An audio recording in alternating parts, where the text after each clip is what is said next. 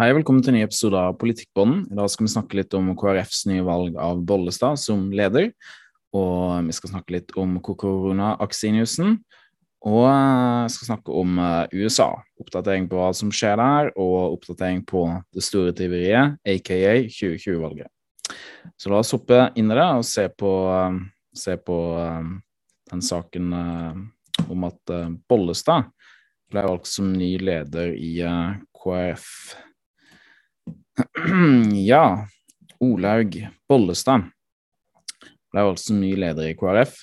Og jeg snakker jo da, ironisk nok, vil jeg si, folk om at uh, altså hun skal uh, Hun vil være godt i stand til å fornye partiet osv. Og, så og det hadde jo da et valg om å heller velge han uh, partilederen i Troms og Finnmark, Truls Olufsen Mehus, med en glimrende, glimrende, glimrende kar som ville løfta KrF til nye høyder. Jeg, hvis han hadde blitt valgt som leder, så skulle jeg, valgt, skulle jeg, meldt meg ut av partiet De kristne, som jeg er medlem i, og inn i uh, eh, KrF. Og uh, satsa alle penger på det. Men han ble ikke valgt, uh, og han ble heller ikke valgt til nestleder. De valgte da Dag Inge Ulstein. Så KrF de gjorde et elendig valg på 3,8% kom under sperregrensen. Og så har de nå valgt ny leder etter den eh, ja, skal jeg si, korrupsjonsskandalen med Kjell Ingolf Ropstad. Og det snakker om at de nå, har valgt en ny leder som skal fornye partiet, og det er Bollestad. Bollestad hun tilhører da establishementet i KrF. Hun vil overhodet ikke være i stand til å fornye partiet. Hun vil bare kjøre på med det samme gamle, det samme gamle, det samme gamle. Det er det som er realiteten. Og her så ser du med en gang at hun snakker om at nå må gamle merkelapper bort, og hun vil ha en ny tone i abortsaken, sier hun blant annet her. Og tenker kanskje at det er for nye partier, men jeg bare liberaliserer det desto mer. Det er det som er poenget her, at det er egentlig bare å kjøre inn samme liberaliseringssporet som det har fulgt nå, ja, jeg vet ikke hvor mange tiår, sikkert. Og folk snakka sist om at det var som et veivalg osv., at nå hadde endelig valgt Ropp Ropstad, og særlig i mitt hjemfylke Aust-Agder, så var det så mange som var så forelska i han Ropstad, og som snakka om at han er så tipp topp og liksom en konservativ leder osv. Men jeg hadde aldri, aldri, aldri troen på Ropstad. Han var bare en Hareide light-versjon. Det var egentlig nesten ingen forskjell på de to, det var bare at, at Ropstad var litt mindre ille enn Hareide. Det var saken. Så når du følger folk som Bollestad og Ropstad på Facebook, eller på ja, først og fremst Facebook i Norge, som blir brukt, så ser du at det her er ikke personer, men det er politikere. Det er folk som legger ut fine bilder av seg sjøl, og som har bare noen sånne saker som alle er enig i, om klima eller om noen barn som har det vondt, eller et eller annet sånt. Og så får mange likes på det. Det er ikke folk som har sine egne tanker, det er ikke folk som tør å legge fram litt kontroversielle standpunkt, og som tør å tenke høyt og tør å stå for sine egne meninger. Dette er personer som er blitt slipt inn i det politiske systemet over lang tid, og som har blitt en politiker inn altså både på ja, utsida og innsida.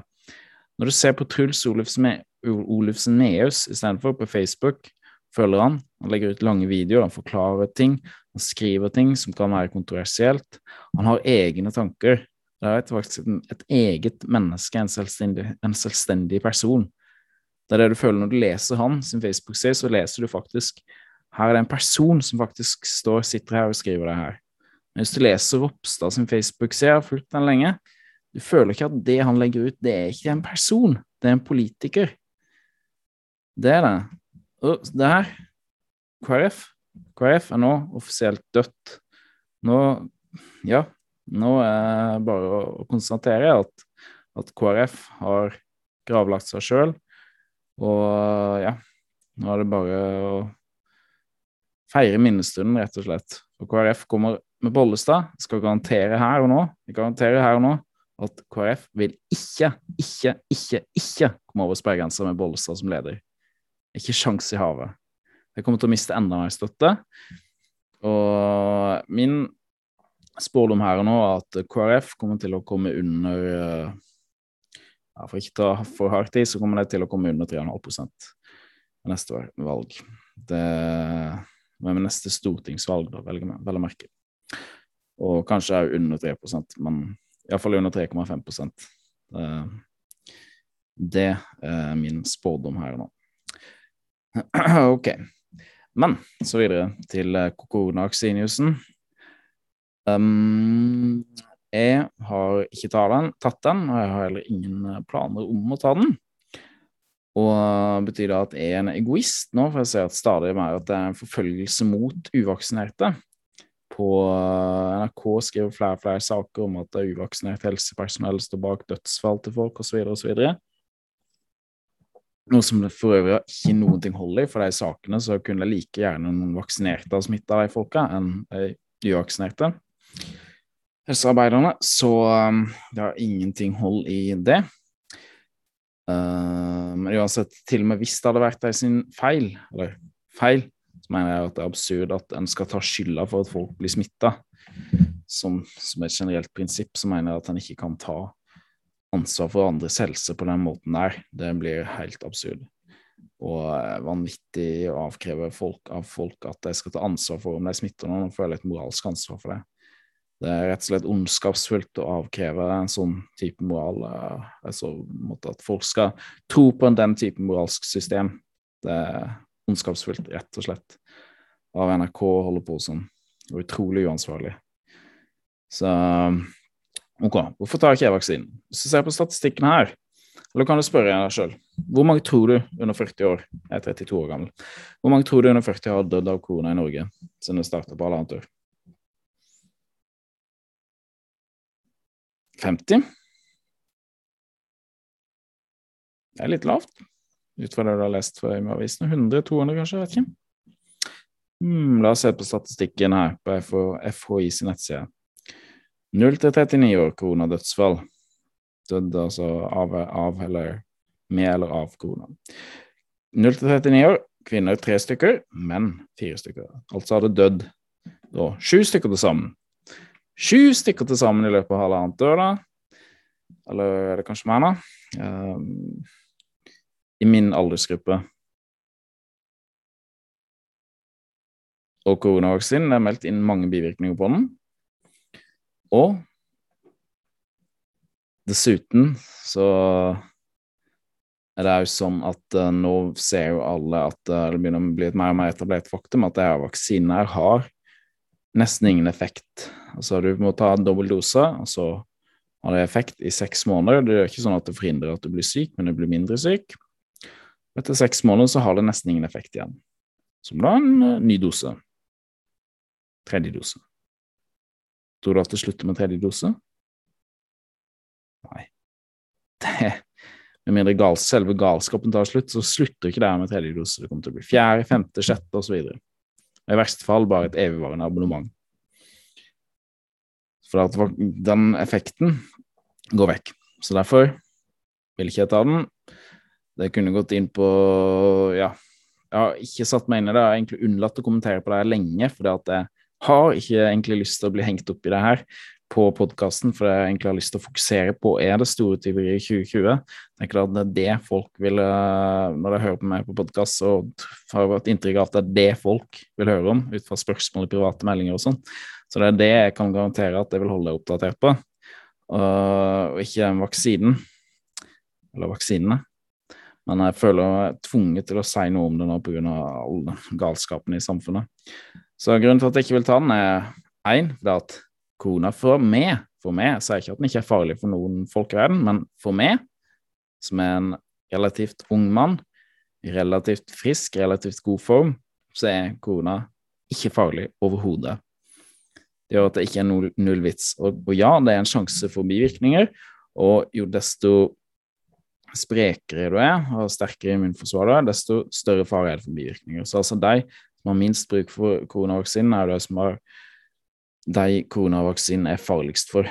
Så på grunn av, for det første fordi det er ingen vits for meg å ta den, for det, det, er ingen risiko for at jeg vil dø av korona. altså Bitte, bitte liten risiko er det jo, men ingen reell risiko for at jeg vil dø av korona. Eller plages noe nevneverdig av det. Og med vaksinen så er den ikke stor, jeg sier ikke at den er stor, men det er en viss sjanse for bivirkninger. Og vaksinen har uansett ikke noen effekt etter seks måneder, eller veldig liten effekt etter seks måneder. Hvilket betyr at hvis jeg velger å ta den, så melder jeg meg på et abonnement. Og det har jeg ikke lyst til å gjøre, for at selv om det kanskje for hver gang du tar vaksinen, så er det en liten sjanse for bivirkninger. Hvis du blir tvunget til å ta den ti ganger, vaksinen, noe som fort kan skje, for det, det er ingenting som tils, tilsier at det ikke kommer til å skje. At du kommer til, De som tar den, kommer til å må ha ny påfylling hver sjette måned eller hvert år. Så for hver gang du tar vaksinene, så er det en viss sjanse for bivirkninger. Og så derfor kanskje liten sjanse for at du tar vaksinen én gang, men hva når du er oppe i ti? Da begynner det å bli en større sjanse for bivirkninger. Og derfor så vil jeg ikke ta den. For jeg vil ikke melde meg på et vaksineabonnement. Og det her er heller egentlig ikke en vaksine i tradisjonell forstand. Så det er ingen som ville, hvis du hadde sagt til deg før korona kom, sagt til noen før korona kom at jeg har en vaksine, den, den, gjør ikke at du ikke blir syk, du blir fremdeles syk, og et, til og med etter, etter du har tatt tre doser etter et år, så har du liten beskyttelse, og du blir like syk som andre. Du blir syk, men du blir ikke så syk som andre i løpet av de første seks månedene. Og du må hele tida ha påfylling. Når du spurte folk da, det, jeg beskriver jeg nå en vaksine, så ville folk sagt nei, det er jo ikke en vaksine, det er jo latterlig. Det der er jo ikke en vaksine engang. Det er en slags uh, preventiv uh, medisin. Så um, det er ikke noe vaksine i klassisk forstand heller.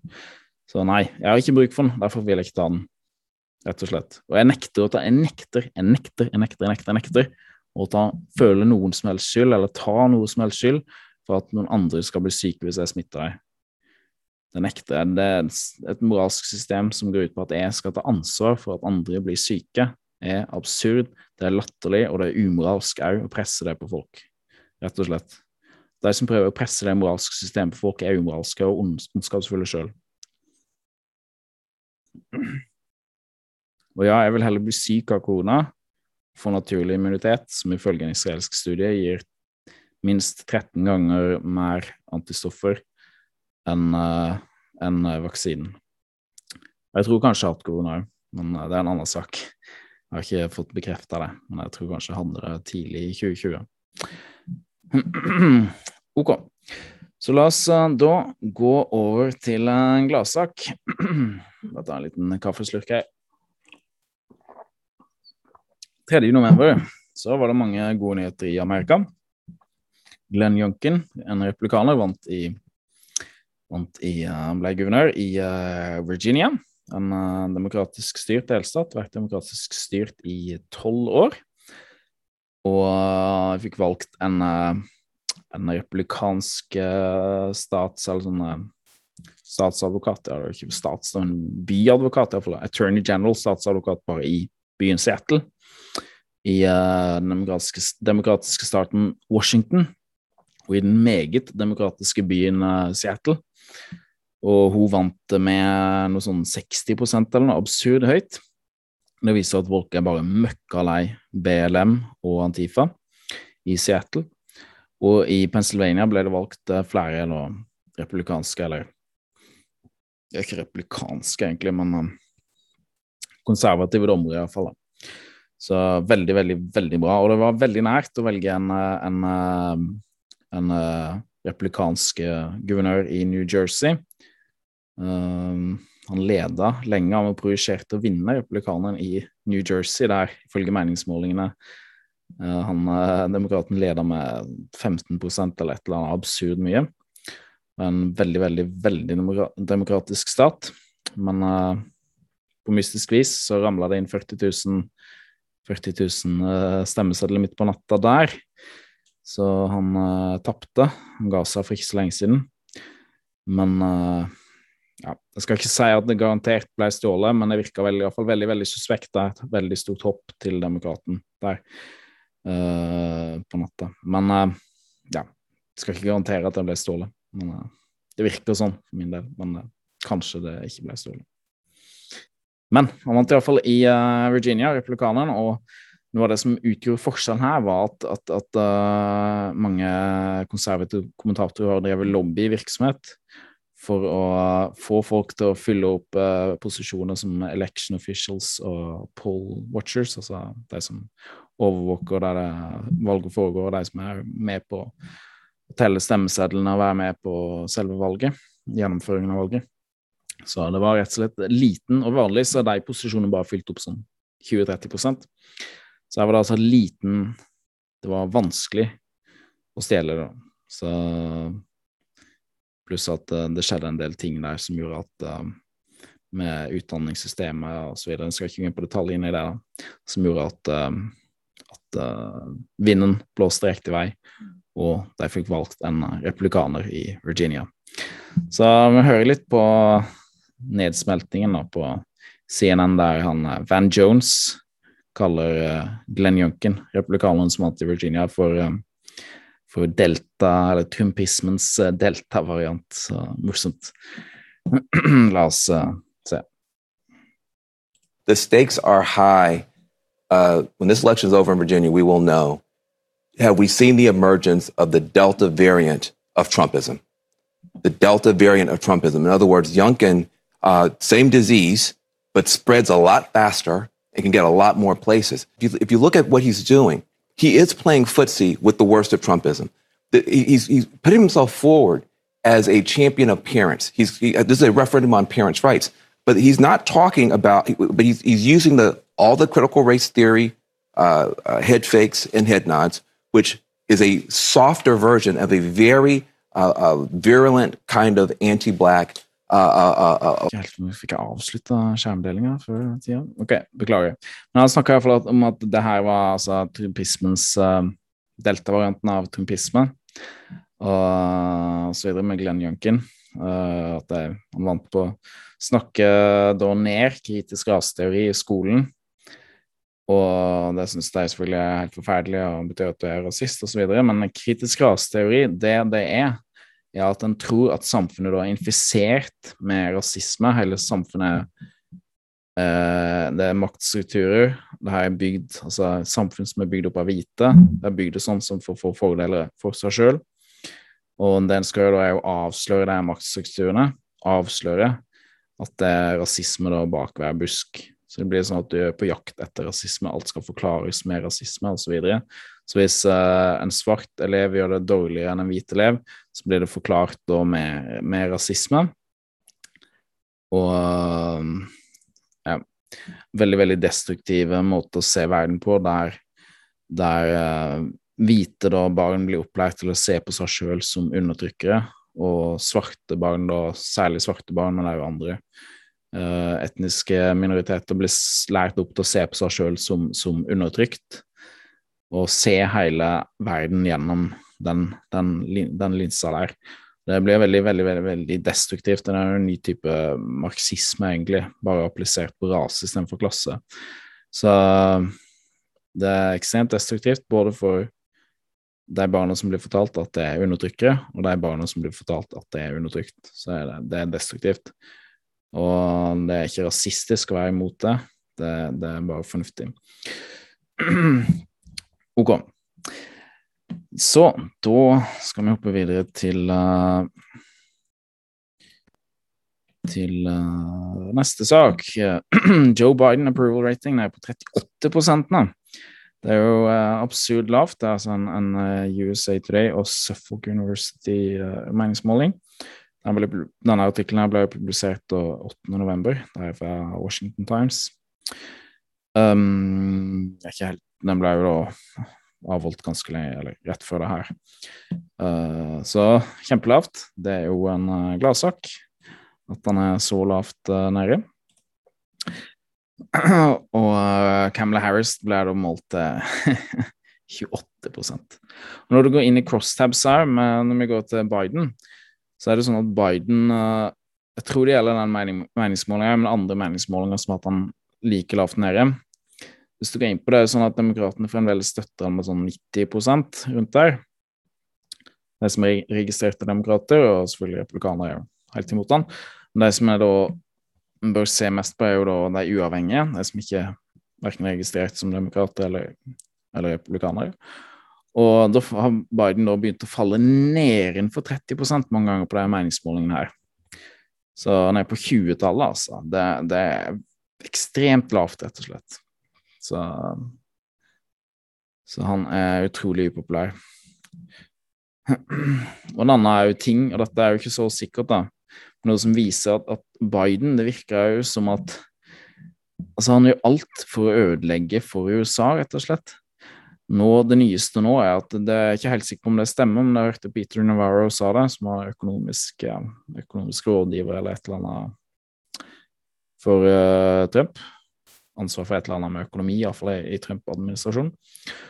Og uh, han uh, sa nå at han hadde hørt, eller har kilder på, at Biden nå ville komme ut og si at han opphever alle tariffene som ble innført mot Kina under Trump, og for, da, for å få ned inflasjonen i USA. Da begrunner, han skulle begrunne det med å få ned inflasjonen i USA, altså inflasjonen i USA har jo lagt den opp på ja, 6 tror jeg var det nyeste.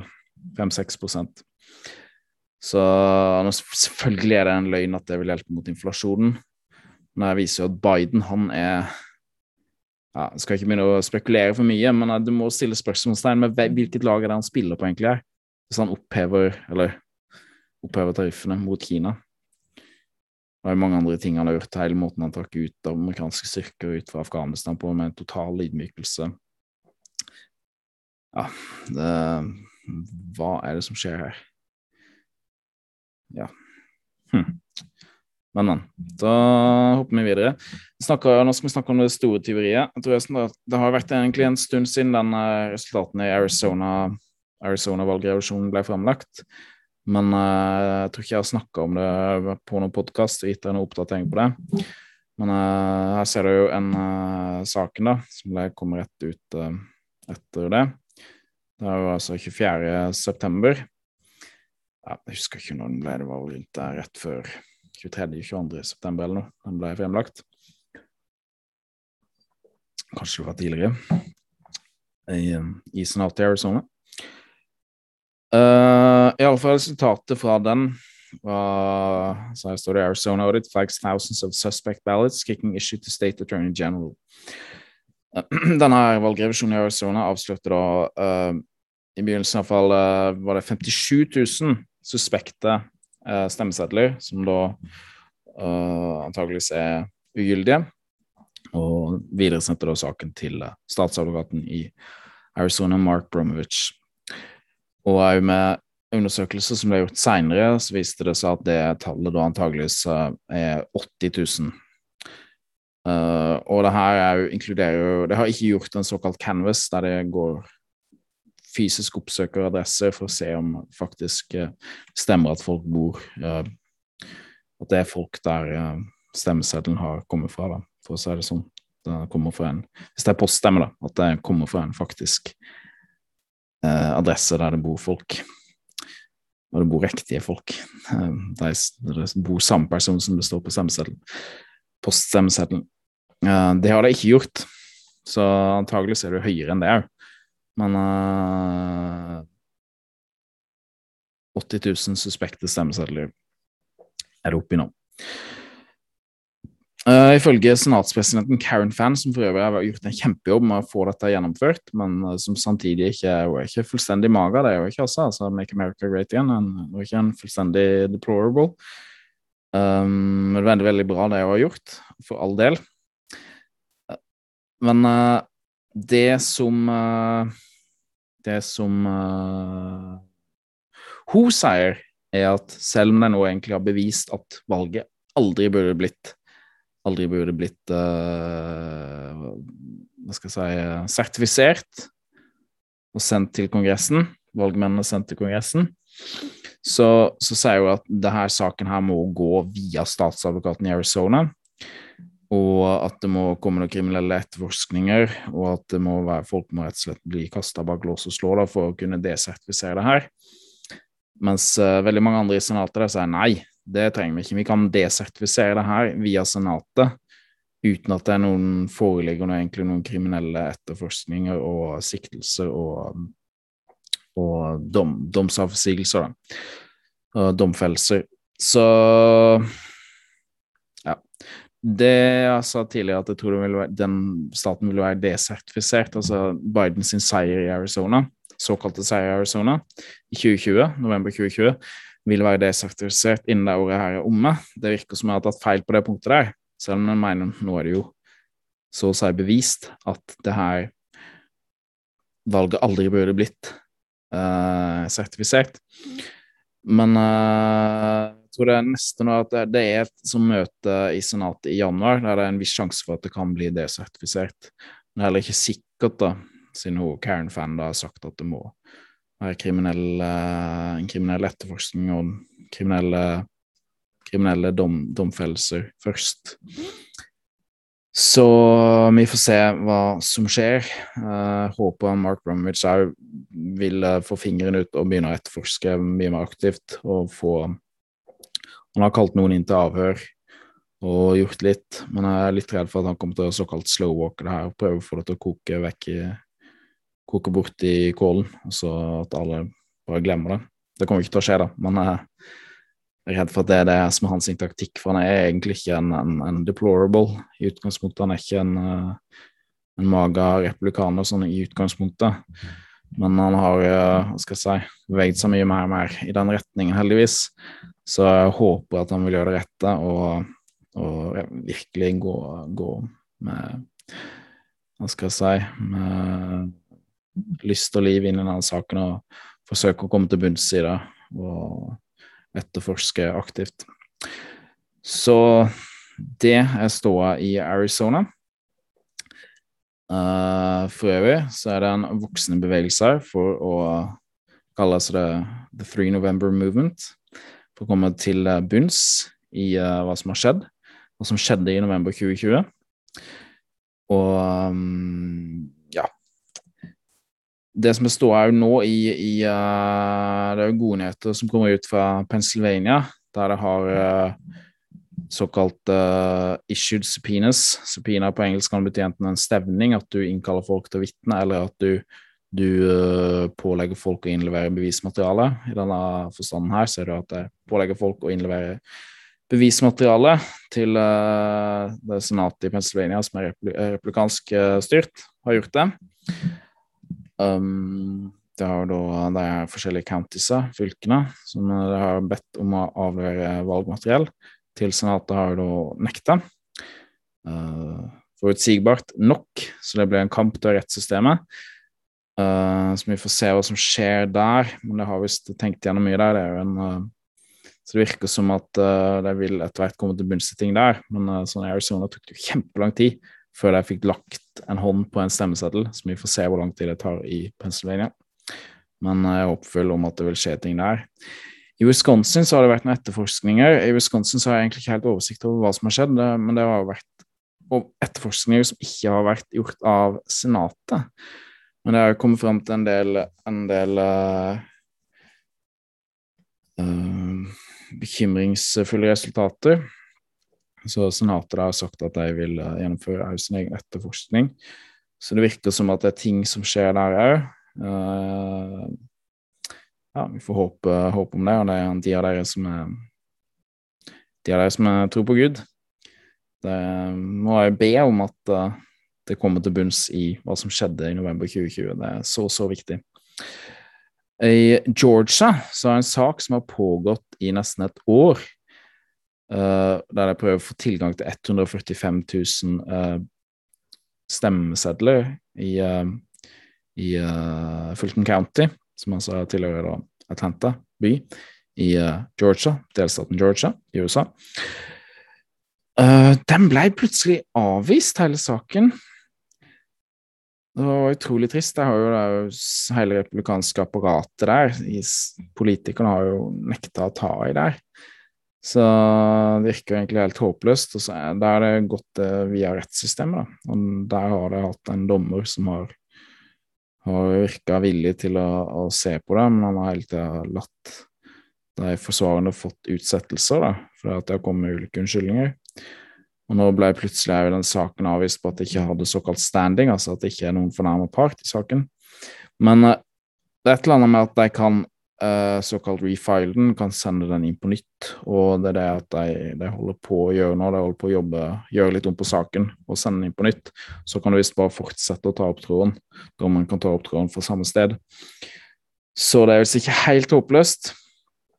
Men ja. Jeg, får, jeg, håper at det vil komme til bunns at det er et eller annet dommeren har gjort for at han ville være helt på sin sikre side, at ikke folk kunne klage etterpå. Så jeg håper at det er det som er saken, men ellers så kan det være at han rett og slett har feiga ut. Folk har begynt å true han eller et eller annet. Jeg vet ikke. Um, ja. Men jeg håper at uh, vi kommer til bunns der òg, i, uh, i, Georgia. Men uh, det ser egentlig lysest ut i Arizona, Pennsylvania og Wisconsin, rett og slett i Michigan er jo et sted der åpenbart ja, Åpenbart i mine øyne, men der jeg mener at det åpenbart ble utført uh, mye valgfusk. Men det er jo som det replikanske establishementet der jeg er ikke interessert i å komme til bunns i det. Så det er jo vanvittig trist. Masse rhinos, rett og slett. Republicans in name only. Ja, så er det jo uh, forresten Mike Lindell sitt luftangrep. Det fortsetter. Han har lovt at han skal eh, Han sier han har fått eh, mange eh, statsadvokater i ulike delstater i USA med på å sende inn Han skal ikke være med på det engang, for han har ikke såkalt standing. Han har ikke juridisk rett å komme med det fremfor Høyesterett, men han, skal, han holder på å sette sammen en sak der han har fått mange statsadvokater fra delstater til å sende inn en sak til uh, Høyesterett. Uh, og han mener jo at da, det kinesiske kommunistpartiet har stjålet 2020-valget i favør av Biden. Uh, det virker jo helt vilt, men vi får se hva som skjer. Han har jo sagt det her lenge. Men nå skal han da endelig Han har lovt å sende det inn, jeg mener 23. november. Så det som er håpløst med det, er altså at antagelig scenario er at Høyesterett bare avviser det og sier at nei, det har ikke noe standing, det har ikke noe rett å komme med det søksmålet her. Men uh, ja, jeg håper at Høyesterett aksepterer det. Og hvis de aksepterer det, så er det mye bedre her for hele folket. For Hvis de aksepterer det, ser på bevismaterialet, og så sier de etterpå at ok, vi har sett bevismaterialet, og nå kan vi konkludere med at det her er bare tull, så er det mye bedre for hele landet, for da kan hele landet si ok, det er bare tull, Michael Lindellsen teori er bare tull da vil jo de fleste akseptere det. Men hvis de bare avviser det, sånn som de har gjort før med andre søksmål, som kom inn før uh, Biden ble innsatt, så vil jo folk si Da vil jo folk være mye mindre tilfreds. Det er jo ikke sånn at alle blir tilfreds uansett, men da vil jo, da vil jo legge mye mer grunnlag for å spekulere. For å si hvorfor, hvorfor avviste de det? Hvorfor, hvorfor nekta de å se på bevisene? Kunne ikke bare sett på bevisene og så, så sagt hva de mente om etterpå det, iallfall. Men vi får se hva som skjer. Vi får se hva som skjer. Ja, så er det jo denne saken til slutt da med Russiagate, såkalt Steel Dossier, altså Dossier samlemappe med dokumenter. Uh, nå har jo han Durham begynt å arrestere litt uh, folk og sånn, eller én mann i hvert fall. Um, Durham, som var en spesialetterforsker som ble innsatt av Trump. Uh, som er vanskelig for neste administrasjon å stenge ned. Um, Trump gjorde det på den måten, da, sånn at ikke Biden-administrasjonen, eller Biden-regimet, burde jeg nesten kalle det. Uh, sånn det skulle bli vanskelig for deg å stenge ned. Men iallfall nå har de til og med Washington Post nå begynt å sagt at uh, ja, de har tatt feil om mange ting om Trump. Og at uh, faktum er at det hele greiene med Russiagate er den verste politiske ja det, er ja, det er den verste politiske heksejakten i det 21. århundret i Vesten, iallfall. Det, det Eller det var bare oppspinn og løgn som har skapt av Hillary Clinton-kampanjen, rett og slett. Nå innrømmer jeg Washington Post iallfall delvis det. Så det skal de ha Det skal de iallfall uh, roses litt grann for. Så, men det er jo norsk medie er jo gjentatt gang etter gang etter gang etter gang. Så, men sannheten, sannheten kommer ut heldigvis nå etter hvert. OK, da tror jeg sier jeg takk for nå. Så ja, det, beklager at det har vært så lenge siden siste episode. Jeg vil ikke gi deg noen garantier, for det er dessverre veldig vanskelig for meg å finne tid til å spille inn episoder. Så, men ja. Jeg kan ikke garantere et eller annet om episoder. Jeg skal én episode i måneden, det målet. Så at Jonas Stava har en episode i måneden, så blir det annenhver uke. Det har vi ikke klart engang, det heller. Så, men takk for at dere som hører på nå, i hvert fall gidder å følge med oss og høre på fremdeles. Så jeg syns det er veldig gøy med podkast, men jeg håper jeg får litt mer tid etter hvert, rett slett, å holde på med Så, men følg oss på alle sosiale medier, og husk å trykke 'liker' på videoen, trykk 'abonner' på videoen. Uh, følg oss på, på Rumble, følg oss på Facebook, Twitter, Telegram, Getter, um, Instagram, hvis du er der. Så, så ses vi neste gang. Yes, takk for at du hørte på.